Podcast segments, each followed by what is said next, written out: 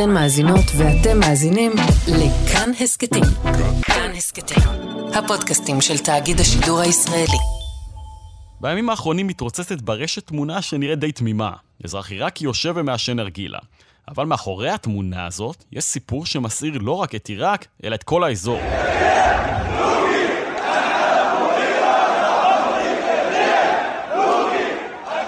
אותו אזרח עיראקי צולם בפרלמנט העיראקי בבגדד, כמה רגעים אחרי שפרץ לשם יחד עם אלפי מפגינים נוספים, שמחו נגד הניסיון לטענתם של איראן ושלוחותיה להעמיק את אחיזתן בעיראק.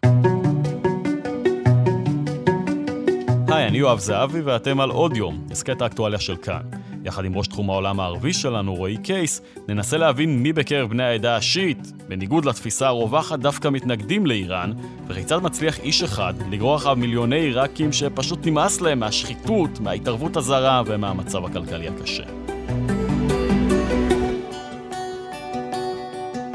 שלום רועי. שלום יואב. אז מה קורה בימים האחרונים בעיראק? תראה, אז מה שקורה בימים האחרונים בעיראק זה באמת אה, התרחשויות אה, יוצאות דופן. אה, יהיו שיגידו שכבר ראינו את זה בעיראק אה, בשנים עברו, אבל אני חושב שלא ראינו את זה באותה עצימות.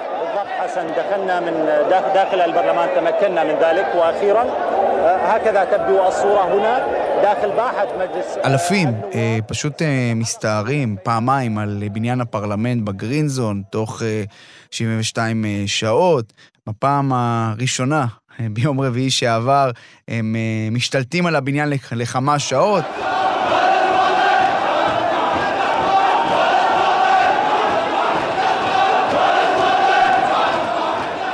אז אה, מוקתדה א-סאדר, אה, איש הדת השיעי, שלמעשה הגורו שלהם מצייץ, המסר הגיע, אתם יכולים ללכת, אבל ביום שבת האחרון הם פשוט מתחילים בשביתת שבט, ללא הגבלה, שם בפרלמנט, והם נמצאים עדיין שם. תכף נדבר יותר על מוקתדה א-סאדר, ננסה להבין מי הוא ומה החשיבות שלו בתוך עיראק, אבל קודם כל, בוא ננסה להבין מי נגד מי כאן, כי כשאנחנו מדברים על עיראק, אנחנו מדברים בדרך כלל על שיעים נגד סונים, עוד קרבות הדתיים בתוך האסלאם, אבל כאן לא מדובר בשיעים נגד סונים, אלא משהו אחר לגמרי שאולי יפתיע את המאזינים שלנו. נכון. אה, חשוב להבין שבעיראק העדה הגדולה ביותר היא השיעים. אנחנו uh, התרגלנו שיש את סדאם חוסיין, הסוני, וזה נתן אולי איזושהי תחושה שהסונים הם אה, בעלי השררה בעיראק, אבל למעשה השיעים הם, הם הרוב מבחינה הדתית. כלומר, זו מדינה שמזכירה אולי קצת את לבנון, אה, עם קצת פחות עדות, אבל עדיין אה, מדינה מאוד שמבוססת על מפתח עדתי. ומה שקורה בימים האחרונים, שאנחנו רואים קרב בתוך הבית השיעי. קרב אה, שהוא למעשה בא לידי ביטוי בדמותה של אותה מחאה אה, בפרלמנט העיראקי, שזו מחאה של מוקתדה א-סאדר השיעי, שדת השיעי המאוד פופולרי, מול המחנה הפרו-איראני, כאשר הסיבה המיידית היא הקמת הממשלה, או יותר, ליתר דיוק, האיש שירכיב את הממשלה, כשסאדר לא אוהב את המועמד שהמחנה הפרו-איראני מנסה לכפות, שהוא מועמד שקשור מאוד לטהרן, מוחמד א-סודני, ולכן אנחנו רואים את התסיסה הזאת. אז כשאנחנו שומעים שיעים, אנחנו בדרך כלל מקשרים את זה באופן אוטומטי לאיראן. פרוקסי, שלוחות של איראן, מוקתדה א-סאדר לא עובד עם איראן? אז uh, זו שאלה נהדרת. תראה, מוקתדה א-סאדר, uh, כמובן שהוא כן, uh, הוא נצפה בשנים האחרונות באיראן, והוא כן קשור לאיראן, אבל אני חושב שיש לנו איזושהי uh, אולי uh, הטעיה שאנחנו מסתכלים על השיעים בעיראק לפעמים כמו השיעים באיראן. כלומר, שהשיעים בעיראק, שיעים בכל מקום, שיעים בלבנון, שיעים בכל מקום, נאמנים להנהגה בטהרן, למשטר האייתולות. וזה לא כל כך ככה בעיראק, כי למעשה בעיראק, קודם כל נגיד שהסמכות השיעית העליונה זה עלי סיסטני. אה, שהיום הוא מאוד זקן, גם יש אומרים מאוד חולה, פחות משפיע, אבל הוא יותר אה, בקטע של שיעיזם פטריוטי, כלומר שיעיזם עיראקי. וזה גם הטיקט של אה, מוקתדה א-סאדר. א-סאדר הצליח בעשור האחרון לצייר את עצמו כסוג של פטריוט עיראקי. שיעי שאומר עיראק לעיראקים, בלי התערבויות זרות. וכשאתה מדבר על התערבויות זרות, אז מן הסתם יש לך גם את ההתערבות של איראן, יש לך גם את ההתערבות של ארצות הברית, יש לך גם את ההתערבות של טורקיה. זה למעשה הטיקט, ה, אם תרצה, הגדול של אותו מוקתדה א-סאדר. מאיפה שואב מוקתדה א-סאדר את הכוח הגדול, את התמיכה הגדולה שהוא נהנה ממנה בקרב ציבור שיעי, רחב למדי? אז קודם כל נגיד שמוקתדא א-סאדר מגיע משפחה, משפחת אצולה שיעית. הוא הבן של, הוא בן של אחד מאנשי הדת השיעים החשובים, אה, מוחמד צדק א-סאדר, שב-1999 הוא אה, חוסל. אה, הוא היה מתנגד, מתנגד מאוד מאוד ניצי למשטר הבאס של סדאם חוסיין. סדאם הסוני דיכא ביד רמה את, ה, את השיעים. נתת פה רמז למי עומד ולכן, מאחורי חיסולו. ולכן, הסיפור הזה שסאדר מצייר את עצמו כל הזמן כ... אם תרצה כעממיקו, כאחד שבא מהעם, כאיש הדת, כאיש הדת, איש דת עממי, שמחובר לה, מחובר למצוקות של העם, כמי שנלחם בשחיתות. אם תרצה אולי הרובין הוד שלה, של השיעים, איש שגם... שיגידו אולי פופוליסט, שגם, לא? כן, איש, איש שגם מעיד על עצמו כמאוד סגפן, אה, משהו בסגנון הזה. אני חושב שהוא מציע לעיראקים אולי את הפתרון שהם מייחלים לו, גם אם אין לו באמת דרך ליישם את זה. כלומר, את הפתרון של עיראק צריכה להיות עצמאית, לא להיות נתונה להתערבות, לא של האמריקנים, לא של זה. כלומר, הוא לא נחשד בנטייה לגורם חיצוני כזה או אחר, כמו שהצדדים האחרים למשל נחשדים, ואני חושב שזה מאוד עוזר לו. וגם, אה, אתה יודע, כל הסיפור של באמת המאבק שלו בשחיתות וכל הדברים האלה, זה באמת גורם לו, אני חושב, אה, להיות אה, סך הכל איש מאוד פופולרי, שגם צריך להגיד, בסופו של דבר, האמון של העיראקים בפוליטיקאים, פוליטיקאים, פוליטיקאים, ואני לא מדבר על אנשי דת, הוא מאוד מאוד נמוך. לנוכח השחיתות שלהם, לנוכח כל מעלליהם, ולנוכח המצב שעיראק נמצאת בו. אתה יודע, אני מדבר עם אנשים בעיראק הרבה פעמים, אין להם מים, אין להם חשמל, אין להם כלום, אנחנו כל הזמן מדברים על לבנון בהקשר הזה, אבל בעיראק זה גם המצב לא הרבה יותר טוב, בוא, בוא נגיד את זה ככה.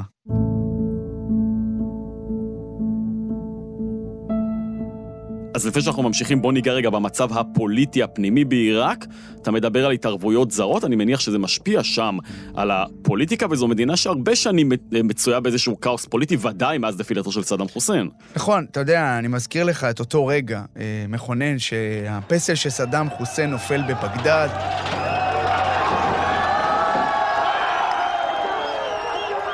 האמריקנים נכנסים והעיראקים חוגגים, שחר של יום חדש, ואז למעשה המשטר הרודני של סדאם חוסיין הוחלף באם תרצה משטר פרלמנטרי שמחלק את העוגה הפוליטית בין העדות השונות, דמוקרטיה פרלמנטרית אם תרצה, כאשר ראש הממשלה הוא שיעי, כי השיעים זאת אה, דת הרוב, יושב ראש הפרלמנט הוא סוני והנשיא הוא כורדי. עכשיו, חשוב להבין שבעיראק התפקיד המשמעותי הוא התפקיד של ראש הממשלה, הוא תפקיד ביצועי, הוא מפקד הכוחות המזיונים, כלומר המפקד של הצבא העיראקי, ולכן יש פה מאבק מאוד גדול בשנים האחרונות על מי יהיה ראש ממשלת עיראק. זה כל פעם מגיע לזה, כאשר חשוב לומר שסאדר אה, הוא בן אדם עם מזג הפכפך.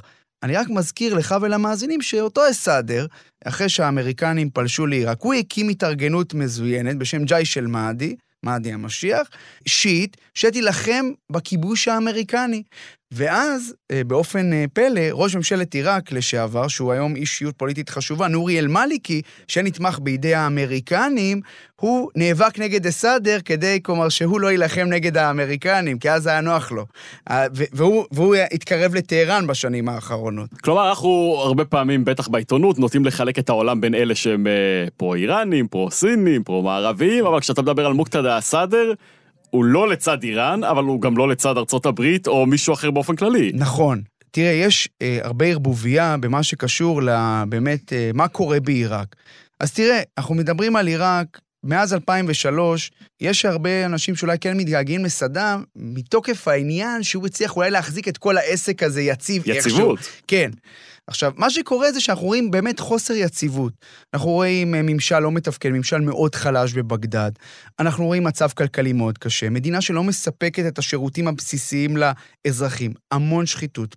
ובאמת קרבות הדתיים בלתי נגמרים בגלל החלוקה הדתית הזאת, זה לא מאפשר להקים איזשהו משטר פוליטי יציב שיכול באמת לממש את העצמאות של עיראק. ואז זה הופך לכר כר פורה להתערבויות זרות. אנחנו ראינו את זה בשנים האחרונות, שאותו נורי אל-מאליקי שהזכרתי, אתה יודע, ניסה אה, להשתלט על עיראק אה, עם השיעים, להגיש אותה, אם תרצה, על מגש של כסף לאיראן, אז החלה התקוממות של הסונים. ואז ראינו גם את הסיפור של דאעש, את העלייה של דאעש אה, בעיראק. וכשדאעש נפל, אז האיראנים שסייעו אה, לממשל בבגדד, רצו לקבל דיבידנדים על זה.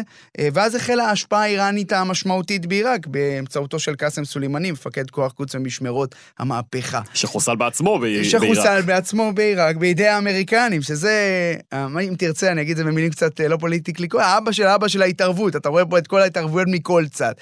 אז אתה מסתכל פה על מדינה שבאמת אה, מאוד מחולקת, ואני חושב שהדבר המשמעותי לראות בסיפור הזה של השיעים עכשיו, תראה, ב-2019 הייתה מחאה מאוד גדולה בעיראק נגד השלטון המושחת, נגד רקע המצב הכלכלי הקשה.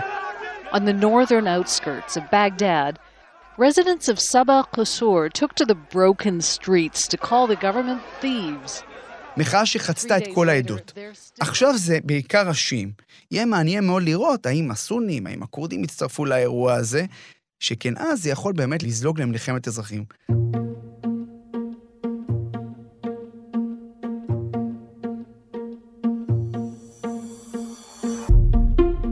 חוזר למה שקורה עכשיו בפרלמנט העיראקי, כי זה חשוב.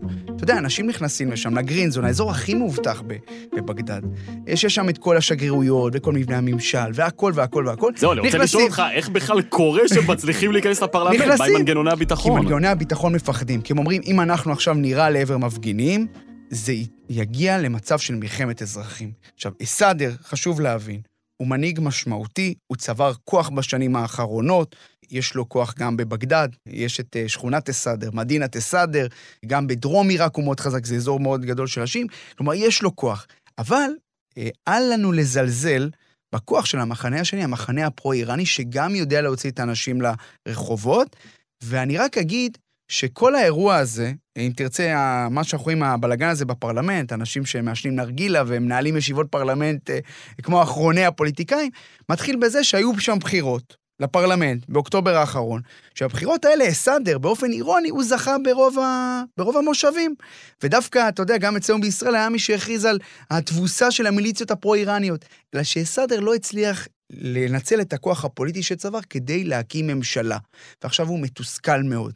ויש גם עוד דברים, אתה יודע, יריבויות אישיות שנכנסות לזה, עם נורי אל-מאליקי. תגיד, כשאנחנו מסתכלים על העדה השיעית בתוך עיראק, אנחנו יכולים אה, לדעת פחות או יותר כמה מהם תומכים באיראן וכמה מהם אומרים עיראק לעיראקים? אז תראה, אני חושב שקשה מאוד לעשות איזשהו פילוח, אבל אני כן חושב שאתה כן רואה אה, עלייה בסנטימנט האנטי-איראני בתוך עיראק בשנים האחרונות. אתה לחלוטין רואה את זה אחרי שהביסו את אה, ארגון אה, דאעש, אתה רואה את זה, אה, כיוון שיש איזושהי תחושה ש-19 שנים אחרי נפילתו של סדאם חוסיין, עיראק לא באמת של העיראקים. וזה הסיפור, זה יושב שם על הסנטימנט, ואיראן נתפסת כגורם שמנסה כל הזמן לבחוש בקלחת. ביום רביעי שעבר, כאשר היה את כל הבלגן הזה בפרלמנט, מי הגיע לבגדד? באותו יום, מפקד כוח קודס במשמרות המהפכה, אסמאעיל קאני, המחליף של קאסם סולימני, כדי לשבת עם החבר'ה שלו, עם הפוליטיקאים במחנה הפרו-איראני, ולדון איך מקדמים את המועמד שלהם לראשות הממשלה. שוב, האבא, האבא של האבא של ההתערבות החיצונית. ולכן כשהעיראקים אה, רואים את זה, זה פחות יורד להם טוב בגרון, מה שנקרא. זה אומנם אולי לא הדבר היחיד, אבל יש, זה שם, הסנטימנט האנטי-איראני, גם אצל השיעים. אני מזכיר לך שבשנים האחרונות ראינו את הקונסוליה האיראנית בכמה מקומות בעיראק, גם במקומות של השיעים, אפילו ב, אתה יודע, בערים הקדושות לשיעים, כמו קרבלה למשל. אנשים מציתים את, ה, את הקונסוליה במסגרת המחאות uh, של uh, 2000, 2019, אותן מחאות uh, שהיו חוצות עדתית, אבל אתה יודע, גם השיעים uh, היו שם לחלוטין.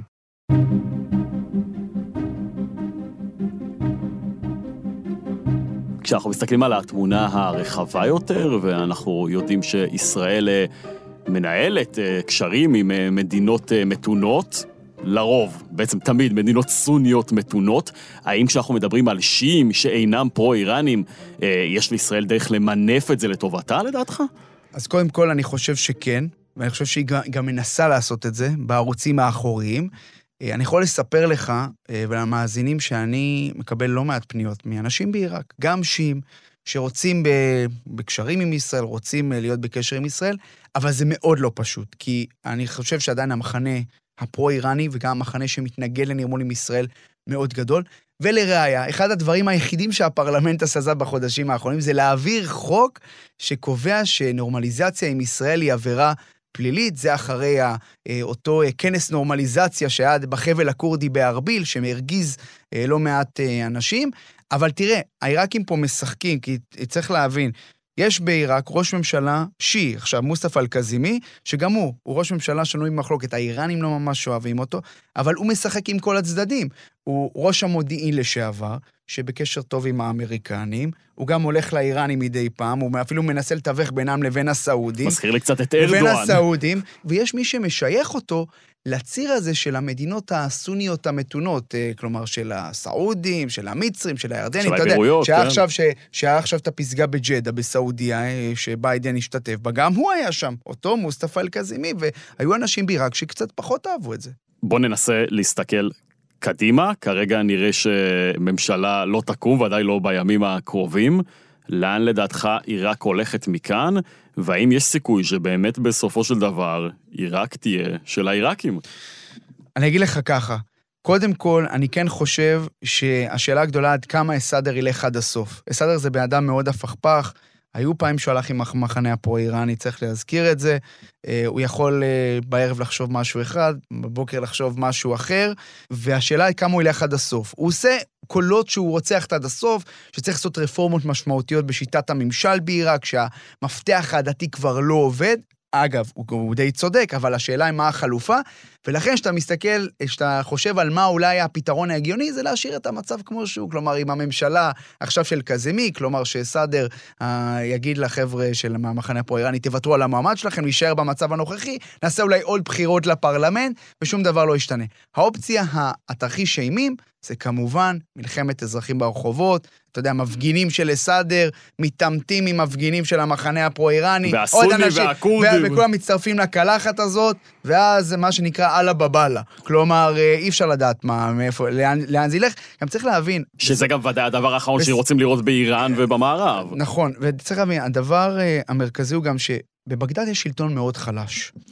שהוא נתמך גם, האמריקנים עדיין תומכים בו. כלומר, גם כשאתה מסתכל היום על הצבא העיראקי, מנגנון הביטחון, זה לא באמת אה, מערך שיכול להתמודד עם, אתה יודע, עם תסיסה רבתית ומשמעותית. לא בכדי, אגב, הם פשוט באמת לא רוצים להתעמת עם המפגינים עכשיו. רק נזכיר ב... שאמריקה הוציאה את הכוחות שלה מעיראק, שזה עוד יותר מחליש לדעתי את מה שקורה, את, ה... אה, נכון, את המנגנונים שם. נכון, היא השאירה בעיקר יועצים, ולכן אני חושב שבסופו של דבר, איך שלא תסתכל על זה, אתה יודע, אמנם אה, דאעש הובס, אבל הבלגן והפלונטר העיראקי פשוט לא נפתר, להפך, הוא רק הסתבך עוד יותר, בגלל שאתה יודע, כשיש את דאעש, אז יש מטרה אחת. יש מטרה אחת, ואז, ואז עוזבים את כל הדברים האחרים. אבל פתאום אין את דאעש, ואז יש את כל, כל הבעיות צפות שוב מעל, אה, מעל השטח.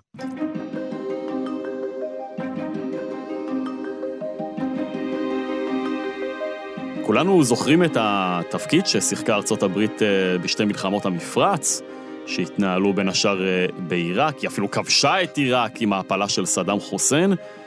מה התפקיד של ארצות הברית בעיראק היום? אז קודם כל, אני חושב שהאמריקנים עדיין אה, השאירו יועצים כדי לסייע לעיראקים במלחמה נגד הטרור, במלחמה נגד דאעש, כיוון ש... ארגון דאעש אומנם הובס כמדינה האסלאמית, אבל הוא עדיין קיים כארגון טרור, ולכן האמריקנים, זה כלומר התירוץ המרכזי. אני חושב שעיראק היא מדינה שהיא חשובה לאמריקנים. אה, לא בכדי יש שם את הבסיס הגדול עין אל-אסד אה, במערב אה, עיראק, שגם אה, טראמפ ביקר בו בזמנו. ואני חושב שאין ספק שגם האמריקנים מבינים שעיראק גם, השפעה בה היא קונטרה גם לאיראנים, שיש, לה, שיש להם גבול אה, עם עיראק, והאיראנים אה, בעבורם, עיראק היא מדינה מאוד חשובה, לא רק בהקשר של ההתפשטות של המיליציות וההשפעה הפוליטית, אלא בהקשר גם הדתי, גם בהקשר הכלכלי. אתה יודע, צריך להזכיר, בעיראק יש את המקומות הקדושים לשים, בקרבלה, בנג'אף. כלומר, יש פה עניין אה, משמעותי מבחינת האיראנים. אני חושב שהאמריקנים, אה, כדי אולי אה, להצר את צעדיהם בעיראק, אז חשוב להם שתהיה להם השפעה על השלטון ומה שקורה שם. רק נגיד, וזה גם חשוב, דיברנו על האיראנים וגם על האמריקנים, ויש גם את הטורקים. רק לאחרונה אה, ראינו כיצד הטורקים הפציצו שם אה, בצפון עיראק איזה אתר נופש.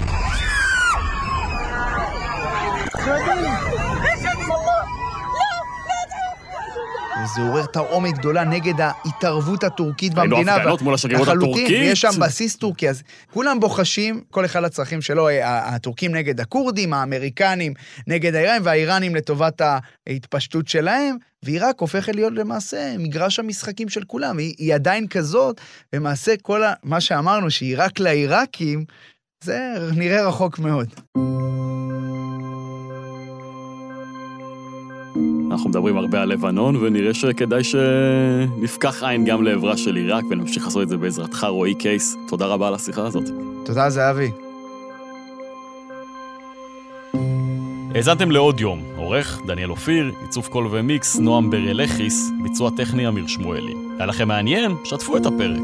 אם אתם מאזינים לנו בספוטיפיי או אפל פודקאסט, פנקו אותנו בדירוג גבוה, מה אכפת לכם? הערות על מה שאמרנו, אתם מוזמנים ומוזמנות לכתוב בקבוצת כאן הסכתים בפייסבוק. תוכלו לכתוב גם בחשבון שלי בפייסבוק או בטוויטר.